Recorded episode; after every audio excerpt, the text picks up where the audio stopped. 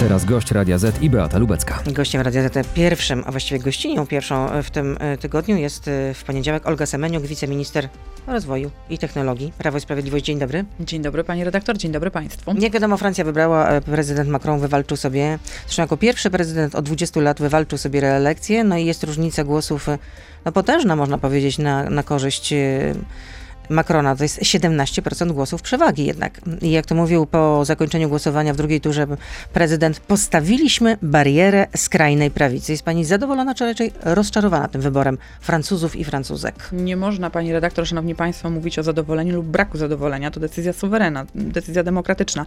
Ja wiem, gdyby w przypadku na przykład wygrania przed tych wyborów przez Lepę, jakie by były komentarze po stronie opozycji, ale Prawo i Sprawiedliwość, Zjednoczona Prawica słynie z tego, że gratuluje każdemu, kto został wybrany w sposób demokratyczny, te gratulacje również popłynęły mm, e, za pośrednictwem i dzięki przekazowi pana premiera Mateusza Morawieckiego. To wiemy, tak. Liczę były... tylko na to, pani redaktor, że mm, nieważne kto wygrywa we Francji, ważne jaki wspólny cel dzisiaj Europa ma, a dzisiaj wspólnym celem Europy i całego świata jest pokonanie inwazji i wojny mm, na Ukrainie, która została wytoczona przez Władimira Putina. Tak, to jest absolutnie priorytet, tutaj się zgadzamy, ale pięć lat temu, kiedy była, pani wtedy była doradczynią w Ministerstwie Obrony Narodowej, była pani doradczynią ówczesnego wiceministra obrony narodowej e, Michała Dworczyka, który teraz jest szefem kancelarii premiera i wtedy, kiedy też odbywały się premiery, e, przepraszam, wybory we Francji pięć lat temu, wybory prezydenckie, kibicowała pani jednak Marine Le Pen i pisała pani na Facebooku tak, wygrana Le Pen byłaby po Brexicie i wygranej Trumpa trzecim, słusznym i większym pójściem pod prąd w polityce międzynarodowej. No pani... to w takim razie rozumiem, że teraz pani też kibicowała raczej. Nie powiedziałaby pani o tym głośno, ale kibicowała pani po cichu Le Pen. Pani redaktor, pięć lat temu nie byliśmy w trakcie wojny, nie byliśmy po czasach pandemii, również nie byliśmy po, pierwszej, e, po pierwszych wygranych wyborach Macrona, gdzie można już ocenić jego politykę i realny wpływ na społeczeństwo, ale również na gospodarkę, czy to francuską, czy nawet wpływ na gospodarki międzynarodowe w Europie. Więc dzisiaj jesteśmy w zupełnie innej rzeczywistości. To, co było napisane pięć lat temu, co często jest przytaczane przez wielu dziennikarzy, dziękuję dziękuję, że również dzisiaj, to czas przeszłości. Dzisiaj jesteśmy Internet w, nie zapomina. nowej, oczywiście, że tak i bardzo dobrze, że nie zapomina, bo od tego jest. Natomiast, tak jak już powiedziałam na wstępie, dzisiaj jesteśmy w zupełnie nowej rzeczywistości wojennej i mam nadzieję, tak jak już powiedziałam, że wspólny cel Francji, Polski i wielu innych krajów europejskich będzie jeden: pokonać Władimira Putina i doprowadzić do sytuacji, w której Ukraina będzie bronić się jak, naj, jak najdłużej, ale również doprowadzimy do e, zwycięstwa Ukrainy, bo to, co dzisiaj rysuje się w architekturze międzynarodowej, jest bardzo niepokojące. No jest pytanie od słuchacza. Moje pytanie jest jedno, napisał słuchacz, e, który ma taki pseudonim e, Nick Moder. Co zwolenniczka Le Pen, Orbana i twardego wyjścia Polski z Unii Europejskiej robi dziś w polskim rządzie? Służę dla narodu, pracuję w Ministerstwie Rozwoju i Technologii. To nie jest tak, że jestem zwolennikiem e, polityki Le Pen czy Orbana, jestem zwolennikiem e, demokracji ale w Europie. Pani o tym, że jest Pani za pani, tym, żeby Unia Europejska powinna zostać rozwiązana. Pani, tak, pani redaktor, ale tak jak już powiedziałam... Internet nie zapomina. Pani redaktor, tak jak już powiedziałam, jesteśmy w zupełnie innej rzeczywistości. Dzisiaj jakiekolwiek wyjścia krajów członkowskich z Unii Europejskiej byłyby ogromnym błędem e, i uważam, jestem za akcesją Polski do Unii Europejskiej, jestem za tym, aby Polska jak najdłużej była, ale na warunkach i prawach, które wspólnie w drodze konsensusu będziemy określać, a nie na warunkach, które będą nam narzucane. I to jest zupełnie inna, mm, zupełnie inna e, kategoria już Czyli jednak zweryfikowała Pani swoje poglądy. Pani redaktor, ciężko mi mówić o weryfikacji no, tak, po pięciu latach pani, zmiany że... modelu, ale Pani redaktor, ciężko mi mówić... modelu? No już mówię, jest wojna, to po pierwsze. Ale nie, no, po drugie, jesteśmy nie, no, po bardzo trudnych kryzysach gospodarczych. wojnę, oczywiście nie zapominamy o niej, jest absolutnie to, żeby się zakończyła i żeby Ukraina wyszła obronną ręką. Jest absolutnym priorytetem, w ogóle nie ma co do tego w ogóle e, tutaj żadnego sporu, natomiast no jednak Wojna wybuchła 24 lutego. Tak, a od trzech lat mamy pandemię, prawie że trzech lat mamy pandemię. Mamy stan gospodarczy taki, a nie inny i wiemy, że on dotyka wszystkich krajów członkowskich, więc dzisiaj jedynym rozwiązaniem to są równe prawa krajów członkowskich i wspólnota, wspólnota europejska. Nie federalizacja, ale wspólnota europejska, suwerenność poszczególnych krajów i wspólne programy i interesy, które powinniśmy realizować. Nie na a Emmanuel Macron nie zmierza do federalizacji? Pani, do, ściś, e, do ściślejszej współpracy między krajami Unii Europejskiej? To jest, no, to co innego, czym innym jest federalizacja, czym innym jest dążenie do ścisłej współpracy w ramach konkretnych programów i ram tych programów.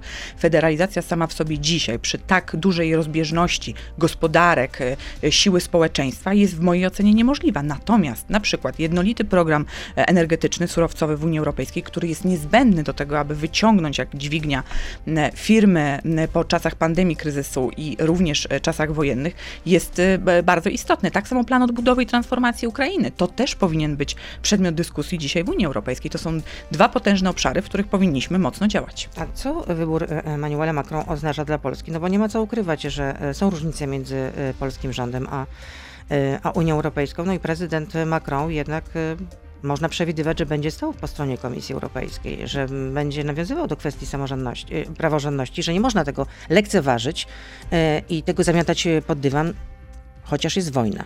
Pani redaktor, szanowni państwo, jeżeli Macron skupiałby się dzisiaj na praworządności Polski, to znaczy, że nie widzi bardzo ważnych tematów, które są przed nami, czyli bezpieczeństwo, kryteria bezpieczeństwa, zabezpieczania e, krajów członkowskich Unii Europejskiej, jak również wspomaganie e, Ukrainy, zatrzymanie e, Rosji i odbudowa gospodarcza. No to są najważniejsze elementy, które dzisiaj powinny jednoczyć Europę i mam nadzieję, że dzięki wyborowi suwerena, dzięki procesowi demokratycznemu Macron do tych programów przystąpi. Zresztą o tym również była mm, jedna z ostatnich debat, którą, e, e, którą oglądałam, której się przysłuchiwałam między Macronem a Le Pen. Tam były tematy również przede wszystkim gospodarcze, te związane z wychodzeniem e, z kryzysu gospodarczego poszczególnych krajów. Ja rozumiem również, że zupełnie inny jest poziom gospodarczy Polski per capita na mieszkańca niż we Francji czy w Niemczech. To są bardzo silne gospodarki, ale mam nadzieję, że one przyczynią się, tak jak już powiedziałam, do jednego naszego wspólnego celu. Dzisiaj stworzenie programu jednolitego energetycznego, surowcowego od uzależnianie się od Rosji, pokazanie, że jesteśmy w stanie jako Europa być wystarczający względem samych siebie bez udziału Rosji, no jest elementem, który zabezpieczy polskie firmy, zabezpieczy francuskie firmy, zabezpieczy niemieckie firmy i do tego powinniśmy dążyć. No we Francji jest poziom inflacji na poziomie 4,5%. No mamy na poziomie 11%, będzie jeszcze gorzej.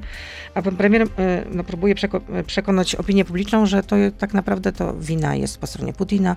To wszystko dlatego, że wybuchła wojna, a to jest chyba jednak nieuczciwe postawienie sprawy, bo inflacja wystrzeliła w Polsce dużo wcześniej. Pani ja przypomnę, że w sierpniu była na poziomie 5,5%, a w grudniu na, na poziomie 8,6%. Pani redaktor, to najpierw kwestie międzynarodowe, a później krajowe, czyli powinniśmy porozmawiać sobie dzisiaj, ja i pani redaktor z panem prezydentem Joe Bidenem, o jego wypowiedzi dotyczącej tego, że na inflację, 70% inflacji jest spowodowane wojną z, e, z wojną e, między Rosją a Ukrainą. To po pierwsze. Po drugie, naprawdę wielu gospodarzy, pani redaktor, ale, no, ale pani, nie, pani no. redaktor, mogę dokończyć, bo bardzo lubię ten temat inflacyjny mhm. z różnych względów e, omawiać, więc Ale zgodzi się go... pani, że inflacja wystrzeliła w Polsce dużo wcześniej i można pani było redaktor, ją zdusić wcześniej? Musimy porozmawiać najpierw z prezydentem Joe Bidenem o tym, co powiedział, czyli 70% inflacji dzisiaj spowodowane jest agresją rosyjską. Po drugie, jeżeli mówimy o e, wpływie pakietu antyinflacyjnego, to patrząc na początek roku już widzimy, już widzieliśmy i byliśmy w stanie to zaobserwować, że potrafiliśmy jako rząd wpływać na obniżanie inflacji. Później wybuchła wojna, do której Putin przygotowywał się wiele miesięcy, więc dzisiaj zasadnym jest mówienie o Putin-inflacji.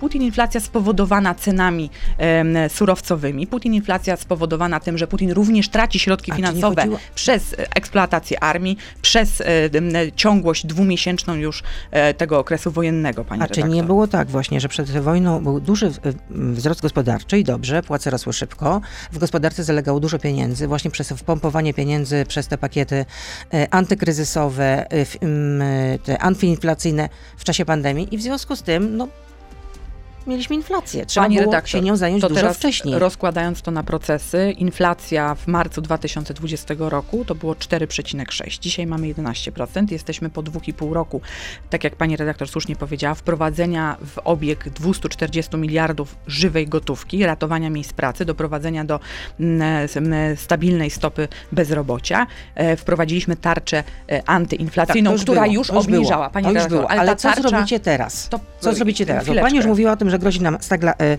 stagflacja, czyli że e, będzie dalszy wzrost inflacji, za to e, będzie wzrost gospodarczy jednak topniał. W związku z tym, co zrobicie? To jeszcze jak mogę dokończyć.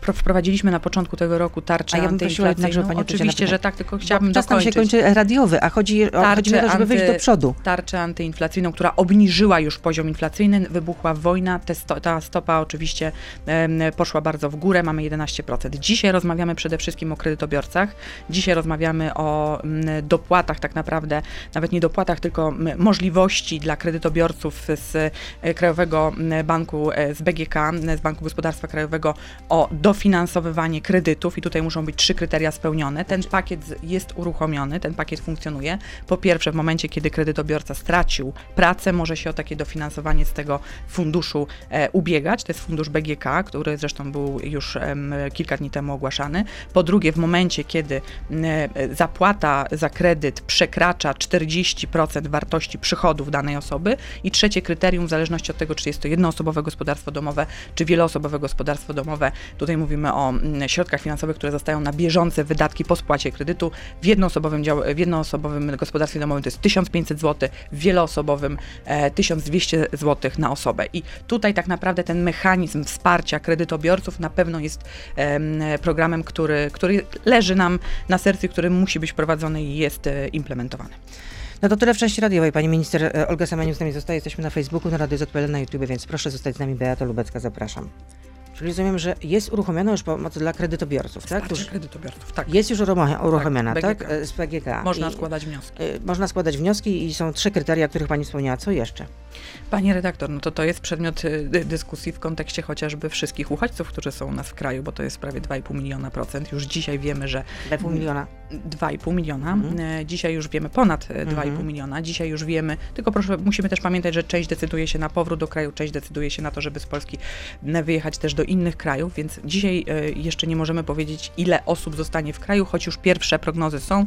Około 1 trzeciej osób, które dzisiaj przebywają w Polsce, decyduje się na to, aby być dłużej. Stosunek jest oczywiście 93% kobiet z dziećmi, osoby starsze, 7% mężczyzn i tutaj naszym, e, naszym pomysłem na to jest przygotowanie takiego planu odbudowy i transformacji związanego z adaptacją e, w miejscu zamieszkania, nauką języka polskiego, bo to jest duża bariera, czyli nauka języka polskiego. Większość tych osób tego języka polskiego nie zna, ale również systemowe przygotowanie do, e, do pracy w różnych zawodach i tutaj również dzięki ustawie wprowadzonej w marcu dla kierowanej do uchodźców przewidzieliśmy i rozszerzyliśmy możliwość zakładania własnych działalności gospodarczych, przenoszenia tych działalności gospodarczych, ale również form zatrudnienia. I dzisiaj, to pani redaktor, rozmawiamy o trzech bardzo ważnych rzeczach, które nasz resort, za które nasz resort jest odpowiedzialny. Po pierwsze, firmy eksportujące, polskie firmy, które eksportują towary na Ukrainę lub na Białoruś e, lub do Rosji. I drugie, e, drugi katalog osób e, i firm, które importują części lub usługi z Ukrainy lub z Białorusi i z Rosji, bo to są dwa zupełnie różne, dwie zupełnie różne gałęzie. Trzecia rzecz, nad którą i formuła, nad którą pracujemy, to firmy ukraińskie, które de- decydują się na to, aby swoje silniki przenieść do Polski. No Chociażby takich- na terenach przygranicznych. No i ile takich, Ja odbyłam- takich, takich firm już przeniosło się do Polski? Powiem e, pani redaktor, że o nie, o wszystkim mogę tutaj e, w programie rozmawiać, bo są też takie wrażliwe tematy gospodarcze e, między Polską a Ukrainą, o których dzisiaj nie mogę rozmawiać, ale na przykład firmy budowlane bardzo chętnie chciałyby, ukraińskie firmy budowlane, przenieść się tutaj na tereny przygraniczne e, i również asumptem i siłą Polski odbudowywać już po czasach, mam nadzieję, zakończenia wojny na Ukrainie infrastrukturę. To są e, potężne środki finansowe, które będą musiały być przekazane i to nie e, zwrotne, tylko bezzwrotne, Ale bo może Pani powiedzieć, szacuje się... firm się przeniosło do Polski? Panie Można to redaktor, oszacować? Jesteśmy, jesteśmy na etapie dopiero weryfikacji. Proszę pamiętać, że szok wojenny cały czas trwa. Te firmy jeszcze zastanawiają się nad tym, czy y, y, i rozpatrują, czy na stałe przeprowadzać się do Polski. Wybierają różne e, kraje. My również jesteśmy w stałym kontakcie jako ministerstwo. Uruchomiliśmy portal Biznes.gov dla ukraińskich firm, które chciałyby z takiej możliwości skorzystać i myślę, że dzisiaj za wcześnie po tych dwóch miesiącach, aby mówić, że na stałe tyle i tyle firm się przenosi, ale zainteresowanie i ruch w tym temacie jest duży. A ile osób, y, uchodźców znalazło pracę? Dzisiaj mówimy, to trzeba by było bezpośrednio pełnomocnika rządu do spraw uchodźców, pana ministra Pawła Szewernakera, ale ja zatrzymałam się na, też. ja zatrzymałam się na etapie chyba 70 czy 80 tysięcy już osób, które znalazły zatrudnienie w Polsce e, z, ze, ze strony obywateli Ukrainy. To są takie dane, które ja widziałam kilka dni temu e, w sieci, ale warto, jeżeli już jesteśmy przy tym temacie e, uchodźczym, powiedzieć A też o wsparciu branżach? A, finansowym. jakie, o jakich branżach y, mówimy?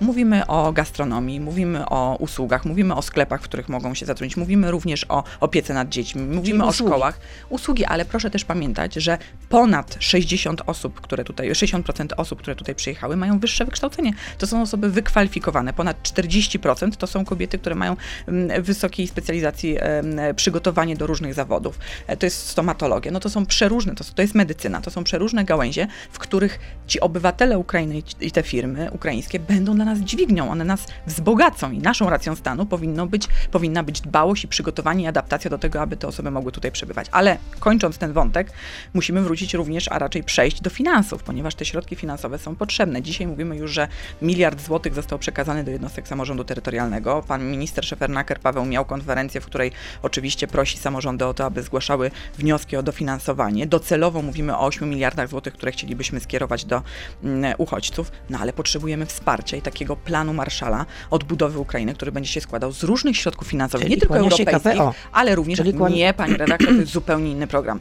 Z Krajowego Planu Odbudowy, pani redaktor, będziemy e, budowali chociażby zielone Ale- domu, domy, No, ale będziemy sama pani mówiła w jednym z wywiadów, że już macie przygotowane jakieś plany, właśnie jak sobie radzić z, z, Ale KPO to jest duszeniem, inny duszeniem inflacji, ale że bez pieniędzy z KPO nie damy sobie rady. No tak, tak, ale to mówiła. temat uchodźców to jest zupełnie inny program i do tego potrzebne A ja jeszcze powracam o tematu inflacji i, i, i mówię o po, po portfelach polskich obywateli. To już tłumaczę. Krajowy Plan Odbudowy, oprócz tego, że po prostu jest programem, który nam się należy, bo spełniliśmy wszystkie kryteria em, formalne pod względem przygotowania kamieni milowych i bloków tematycznych, No które będziemy kiedy to zostanie realizowali. uruchomiony w końcu? Pani redaktor, to jest pytanie pewnie do Komisji Europejskiej, do pana premiera Mateusza Morawieckiego, który jest jedyną osobą tak naprawdę, która na terenie, na arenie międzynarodowej tutaj tę kwestię załatwia. Czyli ja bym nie nie chce chciała pani wychodzić przed szereg, żeby nie powtórzyć historii swojego szefa byłego, Ja bym- tak? Piotra pani- Nowaka, pani redaktor, za ja swoją bym- wypowiedź został wyrzucony z rządu. Ja nie mam tej pewności, czy akurat za tę wypowiedź pan minister e, Piotr Nowak został e, odwołany z tej funkcji. Myślę, że przyczyn mogło. Nie wiem tego, pani redaktor, bo pani powiedziała to tak w sposób pewny, że myślę, że pani może mieć większą wiedzę w tym temacie.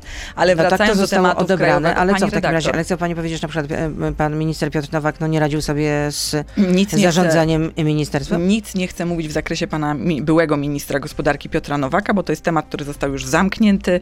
Życzę dużo powodzenia na, w nowych wyzwaniach panu, panu byłemu ministrowi Piotrowi Nowakowi. Ale A będą wracając do takowe? krajowego, A będą takowe? tego nie wiem, pani redaktor, ale chyba każdy No musi gdzieś pracować. spekulacja, ma zostać członkiem zarządu PZU, to prawda? To spekulacje dziennikarskie, a ja do spekulacji dziennikarskich odnoszę się Ale z nic dużą, pani nie wie, z tak? dużą Rozumiem, dozą rezerwy. temat. Ale Pani nie można redaktor, tego wykluczyć? Nie, nie chcę potwierdzać ani zaprzeczać, bo to nie moja domena. Natomiast wracając jeszcze do Krajowego Planu Odbudowy, bo to pewnie naszych internautów i, i No słuchaczy... tak, bo już po prostu to pytania padają po prostu wręcz jak mantra. Kiedy w końcu zostaną odmówione, kiedy w redaktor. końcu dogadacie się z Komisją Europejską? Krajowy Plan Odbudowy jest, że tak powiem, pod względem formalnym i merytorycznym spełniony. Oczekuję również dobrej woli po stronie Komisji Europejskiej i dobrej woli do tego, aby te środki były przekazane, bo co, No, jakie jest ich zadanie? musi zostać e, zlikwidowana Izba Dyscyplinarna Sądu Najwyższego, jak pani wie. Mam nadzieję, są- że projekt pana prezydenta Andrzeja Dudy również spotka się z, e, że tak powiem, może być, być, być może nie aklamacją, choć powinna ta aklamacja wystąpić, ale również z uznaniem innych frakcji e, politycznych, w No tym również naszego koalicjanta No właśnie, przede wszystkim Polski. partia Zbigniewa Ziobry tutaj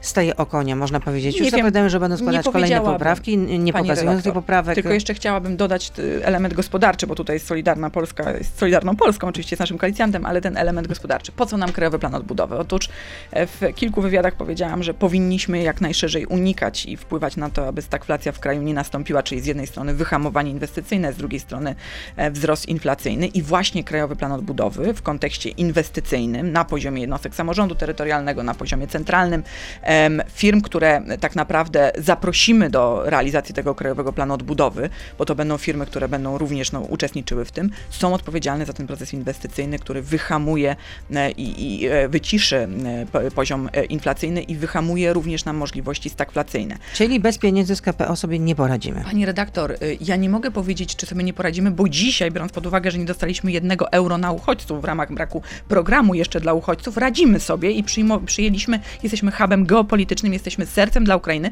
przyjęliśmy 3 miliony uchodźców To dzięki Polakom, wiemy, dzięki wiemy. Polakom, ale Natomiast, no, dzięki przecież- też ogromnej roli rządu i ogromnej roli jednostek samorządu terytorialnego jesteśmy w stanie działać. My za siebie nie patrzymy, e, ale również wiemy, że jeżeli jesteśmy członkiem Unii Europejskiej, to powinniśmy mieć równe prawa i tym równym prawem jest osiągnięcie i otrzymanie środków z Krajowego Planu No Odbudowy. to może trzeba po prostu o to jednak bardziej zabiegać, no i tyle. Ja myślę, że mm, na arenie, na scenie politycznej bardziej zabiegających osób niż premier Mateusz Morawiecki w kontekście polityki międzynarodowej daleko szukać. Dobrze, wracając jeszcze do przedsiębiorców. Czy wielu y, jest takich zainteresowanych, żeby uza- zatrudniać Ukraińców? Jak to E, wygląda? Tak. Jeśli chodzi o e, polskich Tak, przedsiębiorców. to od razu mówię. Jeszcze przed, w czasie trwania pandemii, kolejnych lockdownów, które byliśmy zmuszeni, żeby wprowadzać, wyselekcjonowaliśmy kilka gałęzi gospodarczych, w których brakuje kapitału ludzkiego, brakowało rąk do pracy. Między innymi to jest gastronomia, między innymi to jest oczywiście kwestia y, budownictwa, ale również różnych specjalistycznych firm. Ja rozumiem, że kobiety w większości No są u nas w kraju. Tak, Natomiast zapotrzebowanie-. Chociaż no pewnie jakieś kobiety w budowlance też mogą pracować. Ale proszę pamiętać, że nie wszystko, Tak. pani redaktor, musimy pamiętać, że nie wszystko wiąże się z noszeniem cegieł. Również są No oczywiście. różne, proszę pamiętać o automatyzacji, robotyzacji, która postępuje w różnych dziedzinach i tutaj również kobiety ze swoimi możliwościami, tak jak już powiedziałam, ponad 60% e, Ukraińców przyjechało do nas z wyższym wykształceniem. To jest naprawdę duża dźwignia i możliwość rozrostu gospodarczego dla Polski i szansa dla nas, którą powinniśmy wykorzystać. Więc mamy takie gałęzie, w których możemy po prostu wykorzystać ten potencjał obywateli Ukrainy i chciałabym, żeby całe społeczeństwo patrzyło na to właśnie w kontekście szansy. Natomiast to, nad czym musimy dzisiaj zapanować, to jest Putin inflacja, to jest A wsparcie. pani ciągle to samo. Nie, panie Nie, no redaktor, widzę, że to konsekwencja naprawdę nie do absolutnie zdarcia, Putin, nie inflacja, ceny energii, ceny kosztów stałych. Ale pani redaktor, zgłaszają się do nas średnie i małe firmy. Ja jestem pełnomocnikiem rządu do spraw małych i średnich firm i mówią, pani minister, koszty stałe utrzymania tej firmy są tak wysokie, nie radzimy sobie. Jak jesteście na to w stanie wpłynąć? My na początku roku wprowadziliśmy tarczę antyinflacyjną, ale za chwileczkę miało miejsce, miało, mi- miał miejsce początek wojny i to spowodowało naprawdę rozszczelnienie tak naprawdę całego systemu gospodarczego w całej Unii Europejskiej i nie tylko. I Wojna jeżeli- już dopełniła tylko tego e, obrazu, tak można powiedzieć. Powracam do tego, że jednak inflacja wybuchła dużo, dużo wcześniej. I dlatego Donald Tusk- i też trudno wszystko I dlatego Donald całą Tusk- odpowiedzialność na to, że wybuchła Dobrze. wojna w Ukrainie. I dlatego Donald Tusk wychodzi z propozycją programu gospodarczego, który powoduje wybudowanie w ekstraordynaryjnym tempie autostrady do hiperinflacji, czyli podwyżki dla Korpusu Służby Cywilnej, czyli dopłaty dla Tak. kredytobiorców, czyli wpuszczenie gotówki na rynek, która spowoduje wzrost inflacyjny. Nie o pół procent, Rzeczywiście nie o jeden, dużo krytyki tylko o na kilka. temat tych, e, tych projektów, tych e, propozycji, no ale Izabela Leszczyna, która tak uchodzi za taką osobę w Platformie Obywatelskiej, która pre- prezentuje te wszystkie gospodarcze, nie wiem dlaczego pani zrobiła taką dziwną minę. Bo dobrze, żebyśmy mówili o pani poseł Leszczynie w kontekście ekonomicznym niż w kontekście geopolitycznym, bo jej ostatnie wystąpienie pozostawia wiele do życzenia w kontekście jej wypowiedzi Ale a to- propos Donbasu. I No i pani Izabela Leszczyna, pani poseł, przyznała że rzeczywiście, że taka decyzja może nakręcić inflację, ale odpowiedzią mają być obligacje emitowane przez Narodowy Bank Polski.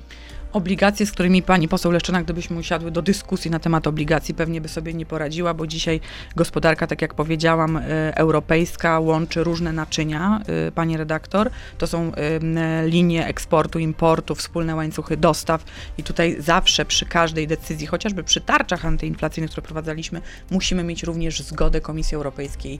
Jest pomoc de minimis, to są różne warunki, które musimy spełniać w ramach jakiejkolwiek rewolucji gospodarczej. Żeby Komisja Europejska w takiej sytuacji nie wyraziła na to zgody. No. Pani redaktor, y, Przy no, y, proszę pamiętać, że na przykład czas prenotyfikacji europejskiej różnych y, naszych programów e, pomocowych również jest bardzo wydłużony, a y, działać trzeba tu i teraz, żeby właśnie ominąć stagflację, aby nie doprowadzić do pomysłu Donalda Tuska, czyli hiperinflacja. Bym chciała, żeby opozycja zaczęła się skupiać wokół surowców i polityki energetycznej. I gdyby Donald Tusk zaczął mówić, że to faktycznie jest duży wpływ wojny na e, inflację, to pewnie byśmy mogli zacząć rozmawiać merytorycznie. No ale nie wpompowywać dzisiaj kolejne miliardy złotych, tym samym wzmacniać budżet państwa, ale osłabiać budżet społeczny.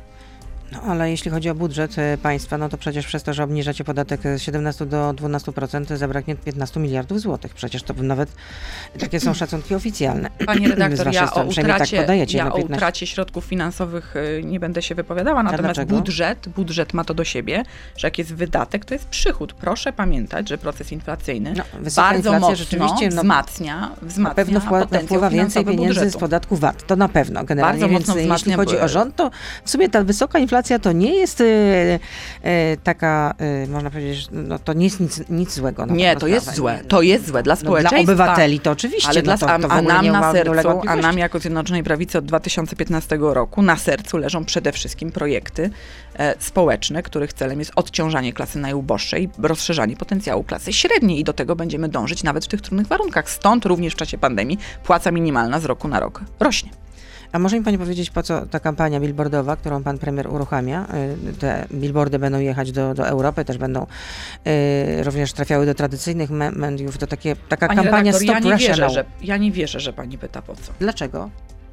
Ja nie mogę uwierzyć w to, że pani No, ale dlaczego nie? No, pytanie. pytam. z prostej e, przyczyny. Trwa wojna. No ja rozumiem, Mordują ludzi. Dobrze, ale Dzieci to Europa tego nie o tym nie pamięta? Boję się, że przez interesy gospodarcze silne mocarstwa europejskie mogą o tym zapomnieć. Gdzie jest plan odbudowy i transformacji Ukrainy? Gdzie, są chociaż, gdzie jest chociaż tego zarys? Gdzie są środki finansowe? Gdzie są sankcje gospodarcze, które faktycznie wpłyną na to, że rosyjski rubel zacznie słabnąć? Czy pani widzi, co się dzieje z ale rosyjskim czy my też rublem przestaliśmy spro- sprowadzać na przykład rosyjską ropę? Nie. Pani redaktor, ale Rosyjski od, tego gaz? jest, Nie. ale od tego jest Unia Europejska, od tego jest Unia Europejska, aby stworzyć, tak jak już powiedziałam to wielokrotnie w tym programie, jednolity pakiet energetyczny. Przecież my jesteśmy członkiem Unii Europejskiej po to, aby wspólnie z innymi narodami, z innymi państwami móc wpływać na, od, na oduzależnianie się od Rosji. To my jako Polska wiedziemy prym w różnego rodzaju pomysłach na sankcje, wprowadzając różnego to rodzaju pakiety. Tylko, pani redaktor, realizacja na poziomie Naprawdę, Unii Europejskiej się wszyscy.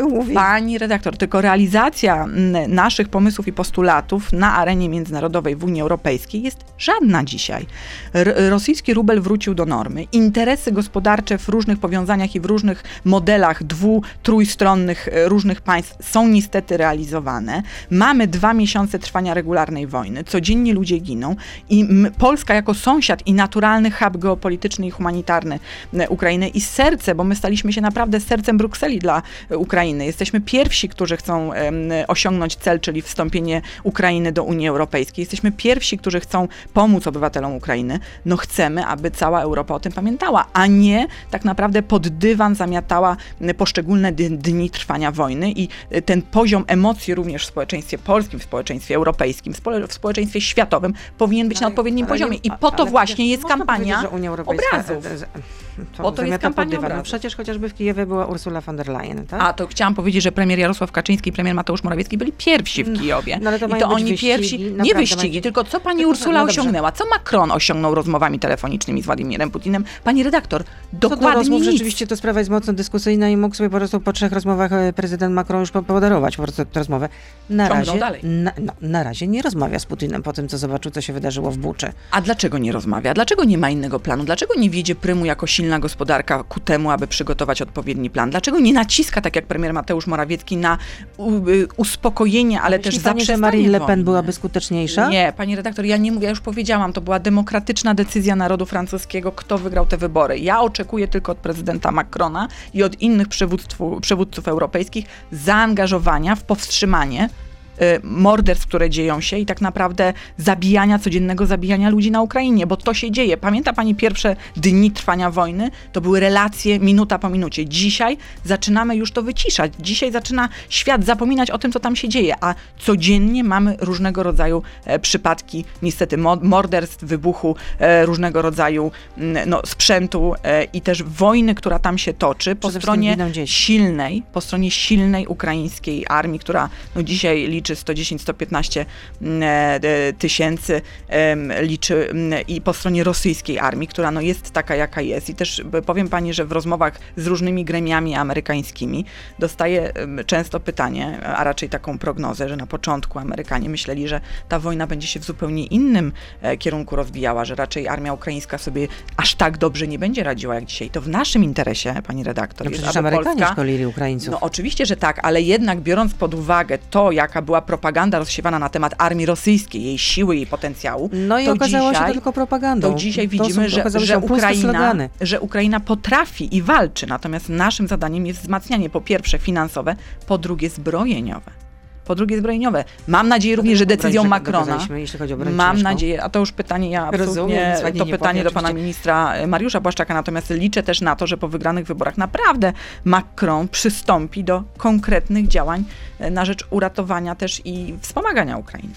No, tam też niektórzy kandydaci podczas tej kampanii wyborczej e, byli przeciwnikami, żeby wysyłać ciężką broń w Ukrainę, bo uważali, że... Niemcy e, są e, pierwsi e, co do tego, e, żeby, e, żeby tej broni nie wysyłać. Zresztą No nie, no tam są tarcia w koalicji. Generalnie koalicjanci e, krytykują Olaf Scholz- Olafa Scholza. Olaf Scholz nie ma nie łatwego robi. zadania po Angeli Merkel. No nie ale ma. też praca niemiecka pytała, że po prostu no, Bo dwa- że Bundeswehra no, była niedofinansowana, w związku z tym nie można tak wysłać z dnia na dzień broni, bo no, trzeba jeszcze No to jeżeli- serwisować. Jeżeli mamy powód co do tego, nie jeżeli mamy powód co do tego, żeby nie wysyłać, to znaczy, że sprzyjamy Rosji. Tak to wygląda. No nie, no jeśli nie mamy czego wysyłać, no to na razie nie wysyłamy. Inne kraje są w stanie, Amerykanie są w stanie, Kanadyjczycy są w stanie, to myślę, że Europa też jest w stanie. No, Niemcy akurat są silną gospodarką.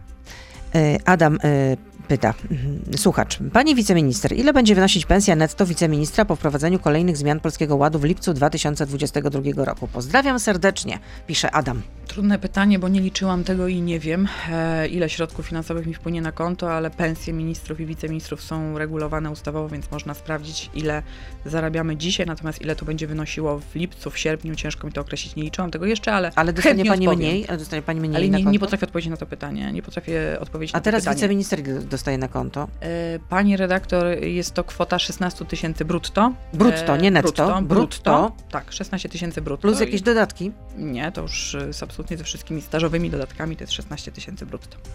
Krzesimir pyta, czy pani e, minister jest zadowolona z efektu wprowadzenia Polskiego Ładu, gdzie nikt nie wie, w jaki sposób trzeba się rozliczać z podatków? No pani chyba też nie wie. E, pani redaktor, Skoro nie była pani w stanie powiedzieć, pani ile tam będzie potem szanowni po wejściu w zmian tych Nie, po prostu nie chodzi o brak wiedzy, chodzi o brak zainteresowania tym tematem. No, y, y, akurat Brak zainteresowania finansowa. Tak, akurat w tym kontekście finansowym, ile od lipca będę, mm, będę zarabiała. To po pierwsze.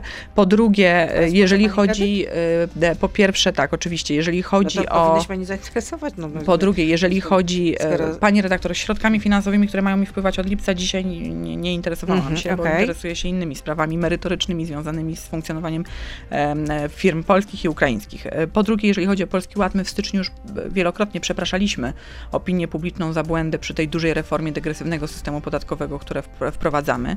Mm, To jest, to, to też żeśmy w styczniu powiedzieli i również szybko przystąpiliśmy do e, naprawy tych błędów, które były ogłaszane ostatnio przez wiceministra finansów, pana ministra Artura Sobonia. Pan minister Patkowski też je naprawiał, tak? Oczywiście brał czynny udział w Czyż- przy tym procesie. Czy rząd rozważa podatek obrotowy przechodowy od firm, by zagraniczne korporacje zaczęły płacić w Polsce uczciwie podatki?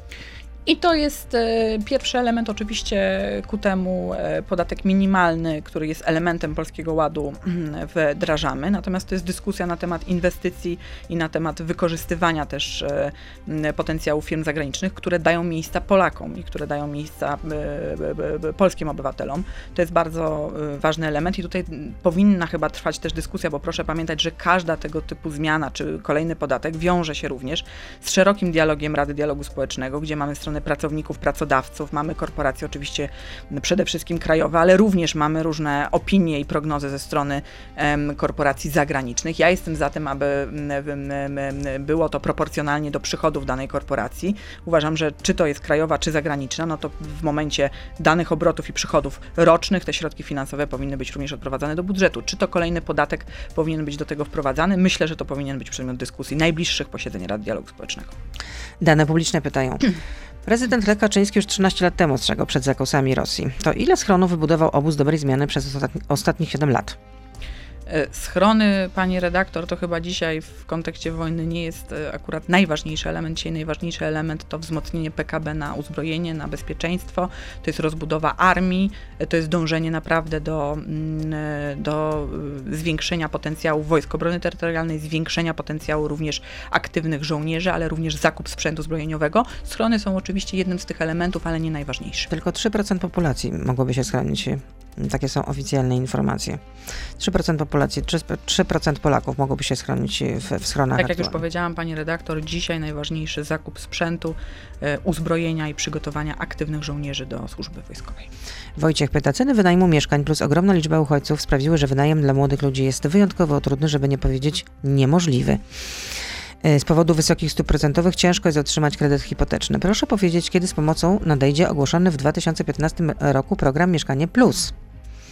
Proszę pamiętać, pani redaktor, szanowni państwo, że akurat rząd Zjednoczonej Prawicy, Prawa i Sprawiedliwości dzisiaj już można powiedzieć, że wydał najwięcej, doprowadziliśmy do wydania największej liczby zgód na, i pozwoleń na budowę mieszkań. To jest proces długoterminowy. Wiemy również o szerokim e, zbiurokratyzowaniu tych procesów, dlatego staramy się jako Ministerstwo Rozwoju i Technologii wpłynąć na to, aby te kwestie administracyjne chociażby mogły być wypełniane drogą online, żeby skracać ten czas.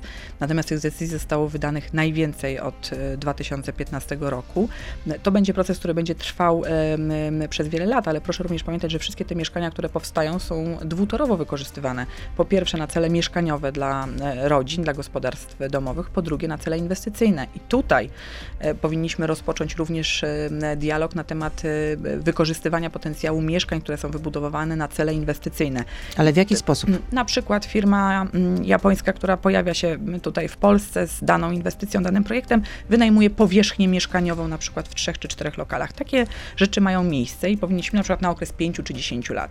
I tutaj również powinniśmy się na tym zastanowić, bo z jednej strony mamy inwestycje, które chcemy rozciągać, które chcemy rozszerzać w kraju, one są bardzo ważne i ta wymiana międzynarodowa. Z drugiej strony mamy mieszkania y, wykorzystywane konkretnie na cele gospodarstw domowych i ja jestem zwolennikiem tego, aby mieszkania były budowane o, o, o na cele gospodarstw. że ktoś na przykład kupuje sobie kolejne mieszkania i po prostu je wynajmuje i w ten sposób zarabia hmm, na to. To jest kolejna rzecz i tutaj również o tym rozmawiamy, pani redaktor. Czy na przykład wprowadzić, to jest do pani redaktor z mojej strony pytanie, jeżeli mogę, czy wprowadzać podatek od czwartej, piątej, szóstej nieruchomości? Bo to jest przedmiot dyskusji w wielu środowiskach, między innymi właśnie na Radzie Dialogu Społecznego również powinien on być opiniowany, bo uważam, że to jest najlepsze gremium do tego, aby na ten temat rozmawiać. Ale czy powinniśmy to wprowadzać? Co w przypadku osób i rodzin, które mają 5-6 mieszkań? Czy taki podatek powinien być wprowadzany? Czy powinien być wprowadzany podatek od pustostanów? No właśnie, i teraz patrząc Czyli na pani to, twarzy... Jeśli, te, jeśli chodzi, chodzi o to, że jeśli te, te, mieszkania nie są wynajmowane w ogóle, rozumiem, na tak? Przykład, że tak, na przykład, że czekają na lepsze tak. czasy. Ale na przykład, na przykład pani tak? redaktor, jednostki samorządu terytorialnego mają wiele wiele pustostanów, które nie są eksploatowane i wykorzystywane, bo są roszczenia co do terenu, bo nie ma środków finansowych na remont tych y, na przykład kamienic. Mamy wiele takich przypadków i teraz wykorzystanie tego potencjału z rynku wtórnego, który już jest, jest ogromnym wyzwaniem, ale również stabilizującym sytuację i regulującym sytuację pomiędzy popytem a podażą, bo dzisiaj wiemy, że podaż no, jest oczywiście rosnąca, ale popyt jest galopujący, jeżeli chodzi o kryteria, o y, zapotrzebowanie na mieszkanie. No, zwłaszcza przy tej liczbie uchodźców, których mamy. Więc jeszcze powracając wracając do tej y, stagflacji, czyli tak, y, pomoc jest dla kredytobiorców. Co jeszcze się wydarzy generalnie, żeby, żeby to zatrzymać? Powiedziała Pani, że potrzebne są środki z KPO, bo muszą ruszyć inwestycje. Inwestycje są bardzo potrzebne. Pomoc dla kredytobiorców to są takie dwa najważniejsze czynniki. Po trzecie, również tak jak już powiedziałam, odgruzowanie tak naprawdę administracyjne tematu i potencjału e, jeszcze szybszej budowy mieszkań. Dla mnie to jest e, jeden z bardzo ważnych elementów. A po, trzecie, po czwarte, wykorzystanie potencjału e, firm ukraińskich w Polsce, bo to one również przyczynią się do tego, że będziemy wzmacniać budżet kraju. To również będzie służyło lukom, które występują w związku z brakiem kapitału ludzkiego w poszczególnych gałęziach gospodarczych. Ukraina dzisiaj, obywatele Ukrainy i firmy ukraińskie są dla nas niebywałym, e, niebywałą szansą, którą jesteśmy w, jesteśmy w stanie wykorzystać. To oni również będą tutaj odprowadzać podatki, to tutaj będą płacili wszystkie świadczenia i są ważnym elementem do odbudowy no, tej sytuacji, która ma miejsce niestety, czyli połączenie pandemii z wojną, czyli Putin inflacji. I jeszcze jedno pytanie, Łukasz pyta, co pani sądzi o tym, że prezes e, Y, że prezes Trybunału y, Konstytucyjnego Julia Przyłębska ukrywa swój majątek. To jest pytanie, które powinno być kierowane bezpośrednio do pani prezes, a nie do mnie. Ja tutaj no, nie mogę w tym no ale, zakresie odpowiedzieć. Ale czy to pani nie dziwi generalnie, że nagle y, prezes Trybunału Konstytucyjnego, Konstytucyjnego wystąpiła o utajnienie swojego świadczenia majątkowego? Być może miała ku temu jakiekolwiek powody. Myślę, że to powinno być pytanie kierowane bezpośrednio do osoby, która taką decyzję podjęła. No ale jest ustawa o statusie sędzi, sędziów Trybunału Konstytucyjnego i tam jest zapisane, że sędzia Trybunału Konstytucyjnego ma obowiązek ujawniania swojego oświadczenia majątkowego. I jeśli nie, to musi się zrzec mandatu. Pani redaktor, tak jak już powiedziałam, to pytanie do pani prezes. Nie znam odpowiedzi. I wywinęła się pani od tego pytania. Olga Semeniuk, wiceminister rozwoju i, i technologii była z nami Prawo i Sprawiedliwość. Dziękuję, dobrego Dziękuję dnia. Dziękuję państwu bardzo. To był gość Radia Z. Słuchaj codziennie w Radio Z i na player radioz.pl.